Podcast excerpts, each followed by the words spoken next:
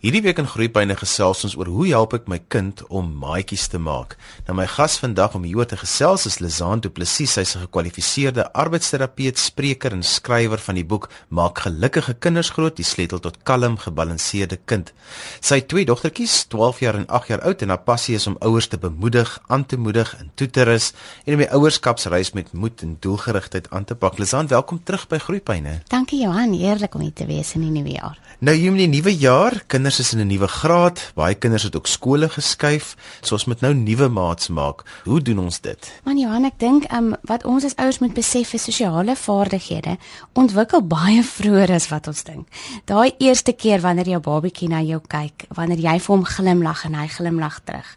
Wanneer hy sy handjies uitstrek um, om opgetel te word, wanneer hy huil en jy stap nader en vra, "Wat is fout? Hoekom huil jy?" in 'n sagte kalm stem, Dit is wanneer kinders begin leer hoe verhoudings werk. Wanneer jy peekaboo of wat sê ons altyd waar sy waar sy das hy wanneer ons daai speletjies met ons babatjies al reeds begin speel, leer hulle dit is 'n pret om saam met ander mense te wees. En ons is almal gemaak en gesnaar om interaksies met ander mense op te soek en verhoudings aan te knoop. Dit is so diep in ons DNA ingewortel. En dit is alreeds binne daai eerste paar maande van van 'n babatjie se lewe, wanneer daar 'n mamma of 'n versorger is wat konsekwent en voorspelbaar is, wat ingestel is op haar baba en in die babatjie se behoeftes te probeer voldoen. Ek weet dit is nie altyd so maklik nie. Maar wanneer daar 'n sterk band in daai eerste jaar tussen mamma of versorger en baba vorm, dat babas leer van verhoudings. Hulle leer van empatie, hulle leer vertroue en hulle leer om deernis te ontwikkel wat alles fondasies is vir latere sosiale vaardighede. Kom ons gee 'n paar wenke vir ouers en versorgers veral vir daai eerste paar maande. Ja, in die eerste lewensjaar, Johannes, die belangrikste maar eintlik net om te besef dat jy as ouer of jy as versorger is hierdie babatjie se eerste en belangrikste lewensmaat. Met ander woorde, nie daai speelding wat ek in hulle hand stop nie, nie selfs die TV, ek wil nie dit eers sê nie want ons wil nie vir babatjies blootstel aan skerms nie.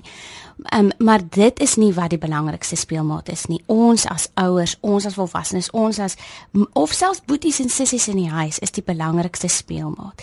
Um, en dit is belangrik om in daardie tyd ons babas te probeer leer ken want as ons kan agterkom waarvan ons babas hou waarvan hulle nie hou nie. Met ander woorde, hou hulle daarvan dat dit besig is om hulle of verkies hulle dat dit stiller is?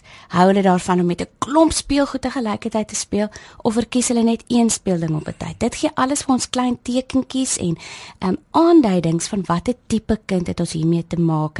Wat beteken dat as ons dit ken, dan kan ons in ons kinders se behoeftes voldoen. Wat dan weer beteken dat ons kinders veilig en geborge voel en dat hulle leer van deernis en van empatie So in daardie eerste tydjie moet ons vir ons babatjies so gou as moontlik aan hulle behoeftes voldoen. Met ander woorde, as hulle huil, moet ons probeer agterkom hoekom huil hulle. In die tweede plek, as ons met hulle sit en met hulle speel of interaksie met hulle het, moet ons vir ons babas help om frustrasie te hanteer. So jou babatjie probeer omrol, maar hy kry dit nog nie heeltemal reg nie, dan kan ons vir hulle help en sê, "Jy, jy het dit reg gekry." Jou babatjie probeer by 'n speelding uitkom, hy kan nie heeltemal nie. Sit die speelding bietjie nader dat hy dit wel kan uitreik. Jy en jy het dit reg gekry. Ehm um, en prys hom dan. So daai tipe interaksies wat ons met ons babas het en die feit dat ons leer hoe ons babas wat hulle spesifieke temperamente is, is noodsaaklik van kardinale belang in daai eerste jaar wat alles fondasies is vir sosiale vaardighede later. Ja, ek sê ook altyd dit is so belangrik want ehm um, daar's so 'n groot aspek van taal wat deel vorm van maatjies mm, maak en mm. dat in die taal moet mense onthou vestig binne die eerste jaar. Al kan ons kinders dit nog nie sê nie. So hulle kan met ander woorde nie sê kom speel met my nie. Hulle kan nie sê ek is nou gefrustreerd nie. Ehm um, hulle doen dit net deur hulle deur hulle liggaamstaal en deur verskillende geluitjies te maak. So as ons ingestel is op dit, dan kan ons vir ons babas help om sin te maak van hierdie de mekaar oorweldigende wêreld waarin hulle lewe. Ja, en wanneer dit wakker leertyd is en speeltyd is sluit soveel as moontlik taalspeletjies en rympies. Daar's nou die nuutste, mooiste rympieboeke op die mark. Kryf jy so 'n rympieboek en sê dit net vir jou kind. Jou kind moet net die taal hoor in daai wakkertyd en speeltyd. Ja, dit is so so belangrik om met ons kinders te praat en selfs die gelykies wat hulle te maak na te boots. Want as hulle o en a sê en ons sê o a i, ons kan dit dalk 'n bietjie uitbrei. Weereens leer hulle van mm, dit wat ek sê is belangrik want my mamma reageer op dit. So ons hoef nie noodwendig vreeslik ingewikkelde goed te doen nie. Ons kan net vir hulle soort van naboots en dalk 'n bietjie ekstra daarbey byvoeg en dit is genoeg om daai taal fondasie te vestig. Ek hou so van jy wat jy sê van die ekstra byvoeg want dit is die basis wat ons noem fonologiese bewustheid en dit beteken mos maar net dat 'n kind hoor dat ehm um, kommunikasie bestaan uit 'n stroom klank uit en verskillende klanke en hoe meer klankies 'n mens maak mens hoef nie altyd woorde nie klanke is baie belangrik dat hulle die verskillendes kan hoor en daarop reageer. Ja, dankie vir daai wonderlike kennis wat jy deel en dit is maar dit is presies waaroor dit gaan en dit is waarom daar nou 'n groot mense ook kyk na die navorsing van as daar twee tale in die huis gepraat word en die nuutste navorsing sê vir ons dat ehm um, die kinders gaan nie noodwendig te mekaar raak nie. Hmm. Ehm um, ons kan hulle blootstel van jongs af al in twee tale. As ons dit persoon spesifiek hou soos mamma praat net Afrikaans, pappa praat net Engels, dan sal dit dalk 'n bietjie makliker wees, maar ons kan ons kinders aan verskillende tale blootstel van jongs af. Ek is so af. bly jy sê dit want dit is ek kry so baie navrae daaroor die taal wat jou moedertaal, jou huistaal is, is die taal wat jy met jou baba praat hmm. en die baba kan in 'n multitaal omgewing um, groot word. Die belangrikste ding om te onthou is dat daardie kinders praat net 'n klein bietjie later. Hulle praat nie so gou nie, maar hulle praat daar's geen probleme met hulle taalontwikkeling nie. Dit is dit vat net 'n bietjie langer vir hulle om te praat. En die ding is met die mamma en die moedertaal spesifiek is Ons navorsing het gewys dat as mamma of moedertaal praat, is haar nie-verbale gedrag meer konsekwent of meer ehm um, dieselfde as dit wat sy sê. Met ander woorde, as ek nou my my moedertaal is Afrikaans en ek wil vir my babatjie sê, "O, ek is so lief vir jou." Dan dit wat ek sê en dit wat ek vir haar wys is dieselfde. Waar as ek net moet sê, "I love you," is dit anders want dit is nie my moedertaal nie. So ons sien dat mamas wat in die eerste taal hulle moedertaal praat, met hulle babas se binding is sterker met babas as gevolg van daai feit dat ons nie verbaal en ons verbaal meer ooreenstem en die baba dieselfde boodskappe kry. Ja, mense is geneig om meer formeel in jou tweede taal te mm. kommunikeer. Al is jy hoe vlot daarin, mense is maar net geneig om so klein bietjie te korrek amper te praat. Kom ons praat oor die Peter se sosiale vaardighede want nou kan 'n mens hom al 'n bietjie reaksie begin kry. En dit is nou wanneer die taal inkom, né? So op hierdie stadium kan hulle nou al begin sê dat hulle kwaad is of dat hulle gefrustreerd is of, of nie noodwendig nie, maar ek bedoel hulle kan meer begin aanduiding ehm um, weet van hulle wil met 'n maatjie speel. Peters en kleuters raak meer bewus van ander kinders kinders om hulle. Ehm um, maar alhoewel ons sien dat in die jong kleuter en die Peter dat hulle parallelle spel doen. Met ander woorde dat hulle langs hulle maatjies speel in dieselfde vertrek is en nie noodwendig met hulle speel nie. En soos wat die baba of die kind ontwikkel tussen 2 en 3 nader aan 3 begin ons sien dat hulle meer met maatjies begin speel. Ehm um, So vir Peters en kleuters spesifiek is selfregulering moeilik. Dis vir hulle moeilik om te wag. Hulle word oorweldig deur al hierdie gevoelens van angs en aggressie en frustrasie en selfs skaamte. Ehm um, so wat ons kan doen met hierdie Peters en kleuters is om vir hulle te help en geleenthede te bied wanneer hulle ehm um, vrylik kan speel spesifiek in dit wat waarin hulle belangstel.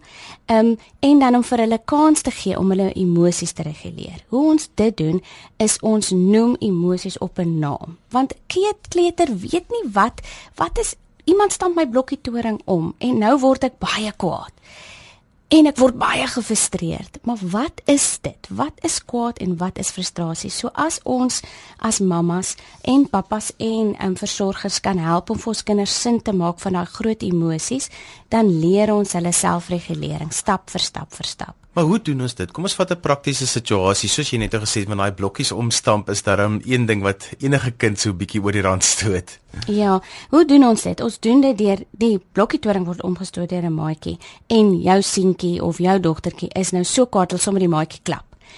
In die eerste plek gee ons ons sit nie 'n deksel op daai emosie nie, want dit is Natuurlik, ek sal kwaad wees as ek nou hard gewerk het aan 'n blokkie toring en iemand stamp dit nou op. So die emosie van kwaad, dit is nie dit is nie die probleem nie. So ons wil nooit vir ons kinders sê dit is verkeerd om kwaad te wees of is verkeerd om gefrustreerd te voel nie. So daar word nooit grense gestel op emosie nie, maar daar word wel grense gestel op hoe ons optree. So in die eerste plek gee die emosie 'n naam en sê: "Mamma kan sien jy's nou baie kwaad." So ons gee dit 'n naam. In die tweede plek stel ons die grens en ons sê: "Maar ons slaan nie." En dan kan mense hulle self help om vir hulle keuse te gee of om vir hulle 'n idee te gee van wat hulle wel kan doen as hulle kwaad is. As ons kwaad is, kan jy jou voete stamp of jy kan na my toe kom vir 'n drukkie, maar ons slaan nie. Ehm um, so die belangrikheid daar is net eersins om die emosie 'n naam te gee, want deur dit te doen, sê ons vir ons kinders dit is oukei okay om te voel. Hmm. En in die tweede plek stel ons 'n grens en ons sê maar dis nie oukei okay om te slaan nie. En in die derde plek gee ons vir hulle 'n ander manier om soos op 'n sosiaal aanvaarbare manier um uiting te gee aan hulle emosies. So jy kan na my toe kom vir 'n drukkie, jy kan jou voete stamp, wat ook al maar ons slaan nie. Ja, want dit is so belangrik want baie keer kry kinders dan time out juis omdat hulle nou uh on, onaanvaarbare gedrag getoon het op die emosie en ek dink is dan baie belangrik om presies te sê dis nie oor dat jy kwaad geword het dat ek die time out gee nie, maar dis omdat jy die maatjie gestamp het want baie keer verstaan die kind nie waaroor hy die time out kry nie en dat mense dit aan die einde van time out ook weer eens sal bevestig. Jy mag maar kwaad wees. Dit is wat jy doen met die kwaad. Presies. Baie mooi gesê. Dis presies waaroor dit gaan. Ehm um, so in ons jonger kind is moet hulle begin leer hoe om te wag, hoe om ehm um, uiting te gee aan emosies op 'n sosiaal aanvaarbare manier. En 'n groot deel van hierdie jong kind se sosiale ontwikkeling het te maak met empatie, om deernis te hê vir ander mense. So as ek um, my maatjie se bloktoring omstamp. Hoe ma laat dit daai maatjie voel? En hoe kinders dit leer is maar deur baie sosiale interaksie te na te boot, so dit wat hulle in die huis sien en om geleenthede te hê om dit te oefen. Ehm um, so nooi maatjies na jou huis toe en ek sê altyd probeer om nie as die maatjie 1 jaar oud is nooi is net een maatjie. Ons gaan nie dan nou sommer drie maatjies nooi nie want dit is dan vir die volwassenes in die in die omgewing baie makliker om daai sosiale interaksie net 'n bietjie te monitor en te demonstreer en miskien aan aanbevelings te gee en vir kinders te help as daar daai tye is wat hulle moet wag en hulle kry nie gewag nie. Wat hulle gefrustreerd raak wat hulle kwaad raak om vir hulle te help om daai vaardighede te ontwikkel in daai tyd Ja, en laat die kinders met mekaar sosiaal verkeer, moenie te veel inmeng nie. Hulle moet ook maar mekaar op 'n manier uitsorteer. As jy sopas ingeskakel het, jy luister na Groeipyne saam met my Johan van Lille. Ons gesels vandag oor hoe help my kind om maatjies te maak. My gas is Lizaan Du Plessis en sy is 'n arbeidsterapeut, 'n spreker en 'n skrywer. Lizaan, maar hoe weet 'n mens watter maatjies om te nooi vir jou kind? Ja, dit is 'n so 'n goeie vraag, Johan. Ehm um, ons moet ook onthou behalwe dat ons kinders verskillende vaardighede op vers, sosiale vaardighede op verskillende ouderdomme ontwikkel, het ons ook te maak met verskillende temperamente. Ehm um, ek praat ook in my boek van drie verskillende sensoriese temperamentstyle en ek noem hulle krimpvarkies, apies en kameelperde. En As ons te maak het met Peters en Kleuters, gaan ons al begin sien watter tipe temperament het ons hiermee te maak. Krimpvarkies is ons kinders wat bietjie meer sensitief is, wat nie daarvan hou um, om in vreeslike groot groepe noodwendig te sosialiseer nie. Hulle kan oorweldig word deur die geraas en die beweging en die aanraking. So vir krimpvarkies is dit half belangrik om dalk 'n ander krimpvarkie ook te nooi, want krimpvarkies is kindertjies wat deernis het, wat meer sensitief is, wat dalk meer empaties is. Ehm um, so as ons hulle 'n ander krimpvarkie kan kry, kan die twee mekaar miskien dalk 'n bietjie beter verstaan en makliker saam met mekaar speel. Dan het ons te maak met apies. Apies is ons sogenaamde sensoriese soekende kinders. Hulle is daarop uit om net die volgende uitdaging te soek en hulle gee hou eintlik daarvan as daar baie geraas en baie mense om hulle is. Ehm um, die probleem is baie keer met apies omdat hierdie kinders se selfregulering nog nie so goed ontwikkel is nie, dat hulle dalk ook oorweldig kan word deur dit alles en heeltemal ooraktief kan raak. So wat maak ons met apies? Ons wil nie noodwendig twee apies wat ernstig is op soek. Partykeer sal dit goed wees vir hulle want as ons twee seentjies sien wat twee seentjies wat albei hou van rugby en albei hou daarvan om van hoë mure af te spring en so aan. Aan die een kant is dit goed vir hulle om saam te speel, maar soek jou apie maatjie goed uit. As dit 'n seentjie is of 'n selfs dogtertjie wat wat net heeltemal glad nie grense ken nie. Um, dan wil ons natuurlik nie twee apies saam hê nie want hulle sal mekaar net opsweep om stouter en stouter en um, meer uitdagings te soek. Ja, en hulle moet jy maar iemand naby hê. ja, nee, verseker. Verseker so 'n goeie kombinasie is 'n apie en 'n kameelperd en dit is ons derde temperamentstyl. Kameelperde is kinders wat partykeer bietjie traag is om nuwe maatjies te soek want hulle is so gemaklik in waar hulle is. Ehm um, hulle hou daarvan om alleen te speel of om eers te kyk wat om hulle aangaan. Hulle is 'n klein bietjie stadiger. Ehm um, en nie noodwendig op soek na die volgende uitdaging nie. So hulle dalk jy's 'n AP nodig om hulle bietjie wakker te maak en te sê, "Hey, hou op sit in jou boek lees of sit voor jou skerm, kom speel bietjie buite saam met my." So dit is baie keer 'n goeie kombinasie om 'n aap en 'n kameelperd in 'n speelsituasie bymekaar te sit. So wat ons eintlik vir ouers sê is dink net so bietjie oor die kombinasie van temperamente mm. wat jy bymekaar sit, want dit mm. kan dalk die sukses van so 'n speelsessie beïnvloed. En dit is nou moeilik as jy nou mamma is om nou ander mamma op te bel en te sê, "Hoor jy, ek het 'n aap in die huis, jy bring jou aapie." Want alle mammas is nie bewus daarvan nie, maar kom ons kyk 'n bietjie, kyk 'n bietjie op partytjies, watter mm. kinders dink jy? Want as jy weet daar is hoe dit hierdie tipe triek kinders, die aapie wat heeltyd daarop uit is om die volgende uitdaging te soek, die kameelperd wat heel rustig is, baie keer te rustig, um, en die um, krimpvarkie wat meer sensitief is, um, dan sal mens kan sien watter maatjies dink jy sal 'n goeie kombinasie of 'n goeie maatjie vir jou maatjie wees. Ja, want jou beste vriendin se kind se temperament pas dalk nou nie by jou kind se temperament. Precies. Elke kind is uniek. Presies. Ek sê ook nou natuurlik nie dat ons nie jou beste beste vriendin se se maatjie moet nooi nie. Natuurlik is daar plek vir dit ook want ons wêreld is vol mense mense wat nie noodwendig soos ons is nie. So daar's plek vir dit ook. Maar as ons spesifiek sien om aan die begin van die jaar of so net wil kyk om vir ons kind te help om haar sosiale vaardighede te leer, sal 'n speeltyd saam met 'n maatjie wat 'n beter kombinasie is, dalk net 'n bietjie makliker wees. Dis almal dit kom maar baie in by die ouer kind want dan is dit baie duidelik dat jou kameelperde sukkel om ons nou 'n maatjies te maak. Mm. Watse raad het mm. ons vir daai skaam kind wat sukkel om maatjies te maak? of selfs 'n krimpvarkie wat so skaam is en wat dalk baie ingetrokke kan lyk. Die raad wat ek het op hierdie stadium vir ouers, um, is om eerstens te kyk wat ons in ons huise vir ons kinders modelleer en demonstreer. So kom ons sit ons fone neer. Kom ons maak tyd in ons huise wanneer ons met ons kinders geleenthede kan skep waar ons hulle kan leer van hoe om gesprekke te hê byvoorbeeld, veral met ons ouer kinders. So maak 'n punt daarvan om een maaltyd op 'n dag saam te eet. Deur te gesels oor dit wat vandag gebeur het, dit wat môre gaan gebeur, ehm um, leer ons kinders hoe om probleme op te los, alles vaardighede wat nodig is wanneer ons interaksie met ander mense moet hê. Ehm um, maak seker ons skep rituele of gewoontes waar ons een keer 'n week, ek moet sê ek kom nie by een keer 'n week nie, maar een keer 'n maand 'n familieaand het waar ons speletjies speel, bordspeletjies waar ons kinders leer van kompetisie, waar hulle leer hoe om 'n goeie verloorder te wees. Ehm um, waar hulle leer wat om te doen as iemand anders wen, wat hulle waar hulle leer wat om met frustrasie en aggressie en daai emosies te doen. So as ons begin in ons huise en vir ons ouer kinders alreeds ehm um, wys hoe om hierdie interaksie te doen is dit vir hulle makliker om dit buite te doen. Hulle gaan dit nie vir ons sê nie want onthou mamas en pappas doen gewoonlik in tieners se oë nie die dinge reg nie. Ehm um, maar ons ek beloof julle dis waartoe hulle gaan terugval as hulle in 'n situasie is waar dit moeilik is om 'n maat te maak, waar dit moeilik is om konflikte te hanteer, waar dit moeilik is om 'n goeie verloorder te wees. As ons reeds in ons huise begin en daai dit die voorbeeld vir hulle stel, is dit vir hulle makliker om dit buitekant te kan doen. Ek sê ook altyd vir skaamkinders, my raad vir ouers gewoonlik is is om dan 'n uh, aktiwiteit te kies waar hulle stelselmatig kan ontdooi. As jou kind 'n goeie tekenaar is of hy weet hy hy is kunstig kies 'n handwerkaktiwiteit, nooi die maatjie oor, gee hulle altyd iets om te doen dat hulle geleidelik kan ontdooi en dat dit nie net is nou skielik met hulle speel en hulle weet nie wat om te doen nie, dan kom dit na so rukkie raak dit natuurlik. Dit gee vir jou skaamkind kans om te ontdooi. Presies en dit is so mooi gestel um, en ek dink dit is wat ons as ouers moet doen is om nie daai ehm um, daai daai verwagting op ons skaamkind te sê van jy moet oogkontak maak, jy hmm. moet vir dadelik interaksie hê nie want dit is moeilik vir daai kinders en ek dink jy's heeltemal reg as ons begin by iets waarmee hulle gemaklik is, wat hulle motiveer.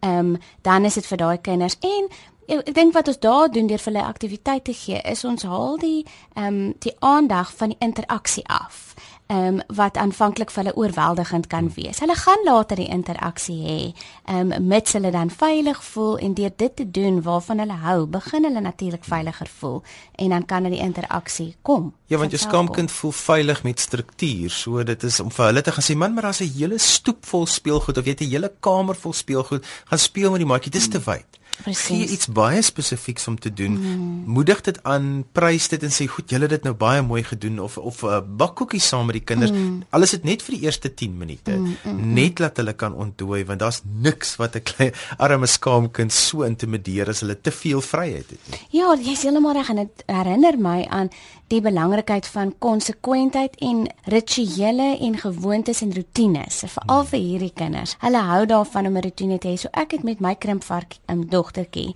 ons het net playdates of speeltye saam met maatjies gehad op 'n Vrydagmiddag. Nie in die middel van die week nie. Vrydagmiddag was die tyd van en ons het maatjies na ons huis toe genooi want so is dit vir ook meer voorspelbaar eerder as om haar te gaan aflaai by 'n ander maatjie. Natuurlik gaan ons op die punt kom wat ons al kan gaan aflaai, maar aanvanklik bring ons maatjies na ons toe. Ons doen dit op 'n sekere tyd vir 'n sekere klomp ure en dit daai voorspelbaarheid laat haar veiliger voel. Ons moet ook 'n gedagte hou dat kinders wat sensories baie sensitief is, sukkel as daar klomp maatjies is. Mm, natuurlik, want met 'n klomp maatjies is daar 'n klomp onvoorspelbaarheid. Jy's nie seker hoe daai maatjie gaan optree nie. Gaan hy aan my raak? Gaan hy vir my drukkie kom gee? Gaan hy my stamp? Gaan hy in my gesig skree? Hmm. Ehm, um, so jy weet met 'n klomp maatjies is die voorspelbaarheid baie baie minder. En wat ons dan sien met ons krimpvarkie kinders is hulle kruip net in hulle doppe in. Hulle rol net hulle self in 'n bolletjie in en hulle is of hulle kan aggressief optree. Hulle kan hmm. een van twee goed doen. Hulle kan of hulle self heeltemal onttrek van die sosiale interaksie of hulle kan nou die een wees wat ander maatjies slaan en net uit die pad uit probeer kry want hulle word heeltemal oorweldig deur die al die sensoriese insette wat kom saam met 'n klomp mense. Ouers weet gewoonlik as hulle kinders sensories sensitief is, so as jy ook jou kind gaan aflaai by 'n maatjie te speel, sê vir die ander mamma, hmm. weet jy, en die die, die beste manier om dit te verduidelik is as 'n mens mos jou naal so oor daai skryfborde trek. vir 'n sensoriese sensitiewe kind is iemand wat skielik langs hom praat of as dit iets is 'n knars is wat hy moet kou, dit voel soos daai naels wat jy op 'n bord trek of 'n graaf oorteer. Hmm. En en 'n mens verstaan dit nie altyd nie, maar mens moet net sensitief wees daarvoor want dit bepaal baie keer hulle sosiale interaksie. Ja, en ek dink eh, wat ek nou met my kind geleer het Johan is daai van as ons dit vir mamma sê om ook vir hulle te sê as ons vir alles ons kind hoor, maar dit is oukei. Okay. So ek het nou al ehm um, jy weet 'n paar frases ontwikkel om te sê vir my krimpvarkie kind wat aanvanklik bietjie afkyk en bietjie skie is om te sê Uh, en dan sal die mamma sê ouma sy skaam en dan kan ek sê jong as jy al beter leer ken dan sal sy eers dan sal sy so baie met jou gesels. Ehm um, so om so iets net vir hulle te sê en vir 'n nuwe maatjie ook te sê is jy weet hierdie maatjie van jou lyk dalk nou 'n bietjie skaam en of sy nie met jou wil speel nie maar as jy hulle miskien gou gaan teken of miskien dit gaan doen dan sal jy sien dan gaan sy lekker met jou begin praat. Soos twee boodskappe wat ons gee. Aan die een kant sê ons dis oukei okay om skaam te wees. Ons moet plek maak in ons gemeenskap vir ons introwert en meer sensitiewe kinders en aan die ander kant dan dan gee ons bietjie wenke oor hoe ons daai kind kan kry um, om bietjie uit hulle dop uit te kry. Ja, ons moet altyd onthou ons introwert kind kry nie energie van die maatjies nie. Dit tap mm, hulle energie. Mm. Soos as jy dan vir hulle in die kar laai na die tyd nadat hulle gespeel het, jy vra, "Hoe was die oggend?" dan wil hulle nie praat nie. En dit is nie mm. 'n aanduiding van hoe suksesvol die oggend was nie. Hulle is net gedaan. Hulle het nou mm. hulle sosiale vaardighede opgebruik. Nee, verseker en dan het hulle daai tyd nodig om na hulle huis toe te gaan, miskien in 'n tent of in 'n donker kamer of iewers op 'n plekkie te gaan sit waar dit rustig is, 'n boek te lees en weer eens dan gee ons vir ons sê ons vir ons kinders dis okay. Dit jy hoef nie nou vir mamma te vertel nie, dis ook okay as jy die volgende uur net op jou eie wil wees. Ehm um, want so kan hulle weer hulle energie opbou vir die volgende interaksie. Dis aan sien net gou hoe kan ouers met jou kontak maak? Ehm um, hulle kan na my blog toe gaan www.lezanduplessis.com. Daar is 'n e-posadres ehm um, as hulle persoonlik met my wil praat, maar daar's ook heelwat wenke in die jaar wat kom beskikbaar op my blog. Dis en alwaar vir ons tyd het vandag. Ons het vandag gesels oor hoe help ek my kind om maatjies te maak. Onthou jy kan weer na vandag se groeipyne luister as 'n pot gooi, laai dit af by rsg.co.za. daarmee groet ek dan vir vandag tot volgende week van my Johan van Lille. Totsiens.